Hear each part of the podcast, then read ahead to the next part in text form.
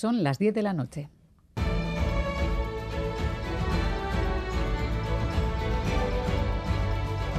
Radio Euskadi y Radio Vitoria. Servicios informativos. Repasamos los titulares de la jornada con John Fernández Mur, Gabón. Gabón, Miriam, noticias de este viernes 10 de febrero en el que comenzamos hablando del proceso de matriculación escolar que comienza el lunes. Y este año nuevo modelo de admisión que afectará a niños y niñas de dos años que llegan por primera vez a las aulas. Se trata, como recoge el pacto educativo, de distribuir de una forma más equilibrada el alumnado vulnerable. Joaquín Bildarratz, consejero de Educación. La alternativa, lo más cómodo, hubiera sido seguir como hasta ahora, pero si queremos avanzar como sociedad, tenemos que dar el paso.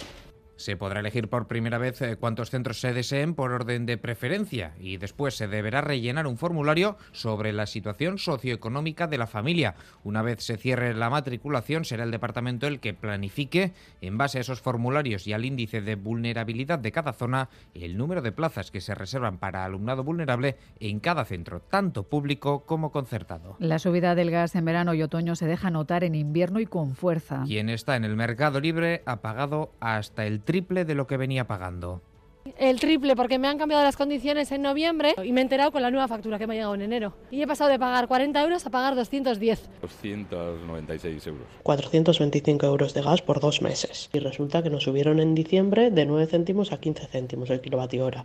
En septiembre asistimos a una subida brutal del precio del gas, pero el consumo entonces era muy limitado. Desde entonces ha habido pequeñas bajadas de ese precio del gas, pero esas bajadas no han sido suficientes para equipararnos a precios de años anteriores, por lo que ahora en invierno, que consumimos mucho más gas, vemos esos precios disparados. El sociómetro que hemos conocido hoy sitúa al PNV como lista más votada en las tres juntas y en las tres capitales. Aburto tendría mayoría absoluta en Bilbao y los Yeltzales rozarían ese mismo escenario en las juntas generales de Vizcaya. Euskal Herria Bildu sería segunda fuerza en cinco de las seis, salvo en Bilbao, donde el PSE sería el más votado tras el PNV. Las dos eh, urnas más disputadas serán, según el sociómetro, la del Ayuntamiento de Vitoria y la de las Juntas Generales de Guipúzcoa. El día 25 de este mes, el descontento de los trabajadores de Osakidecha quedará plasmado en manifestaciones en las tres capitales. Manifestación conjunta de SATSE, ELA, LAB, Comisiones Obreras, UGT y del Sindicato Médico denuncian que la temporalidad de la plantilla supera el 50% y también la nula voluntad, dicen, del Gobierno para sentarse y negociar. Esther Saavedra, ELA, Amaya Mayor, Sindicato SATSE. No hay ninguna voluntad de resolver los problemas de Osakidecha. Más allá de, bueno, pues palabras altisonantes de que no hay privatización, de que las condiciones laborales son buenas, de que no hay desmantelamiento, lo que vemos es que sí lo hay y que desde luego a día de hoy no hay ninguna, ninguna voluntad, bueno, pues de, de cambiar esto. Si tiene que venir la consejera de salud a la mesa sectorial, pues que venga. Lo que no vamos a hacer es participar los sindicatos en una mesa que lo que intenta es teatralizar una negociación colectiva que no existe. Hacemos un llamamiento para recuperar la senda negociadora.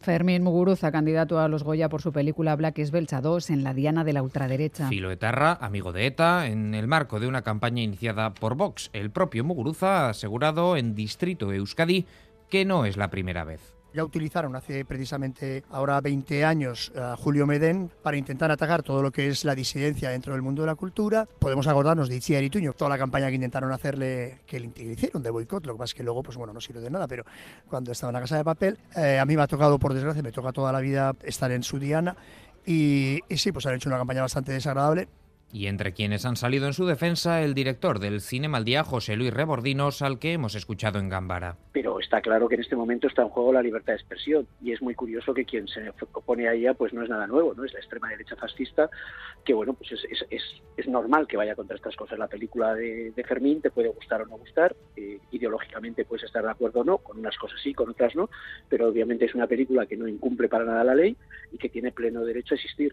El cineasta Carlos Saura ha muerto hoy a los 91 años de edad en víspera de recibir el Goya honorífico. Sufrió la guerra civil española durante su infancia y eso marcó sus películas en las que supo burlar la censura del franquismo. Debutó con Los Golfos, enseguida fue premiado en Berlín y Cannes con La caza o La prima angélica y ya más tarde fue nominado a los Oscar para el recuerdo. Hay Carmela o su trilogía con Antonio Gades, Bodas de sangre, Carmen y El amor brujo. Recibió la Concha de Oro honorífica en 2007, activo hasta casi sus últimos días deja más de 40 películas. Con este recuerdo terminamos más noticias en una hora y en todo momento en itv.eus y en la aplicación ITV Albisteac. Gero.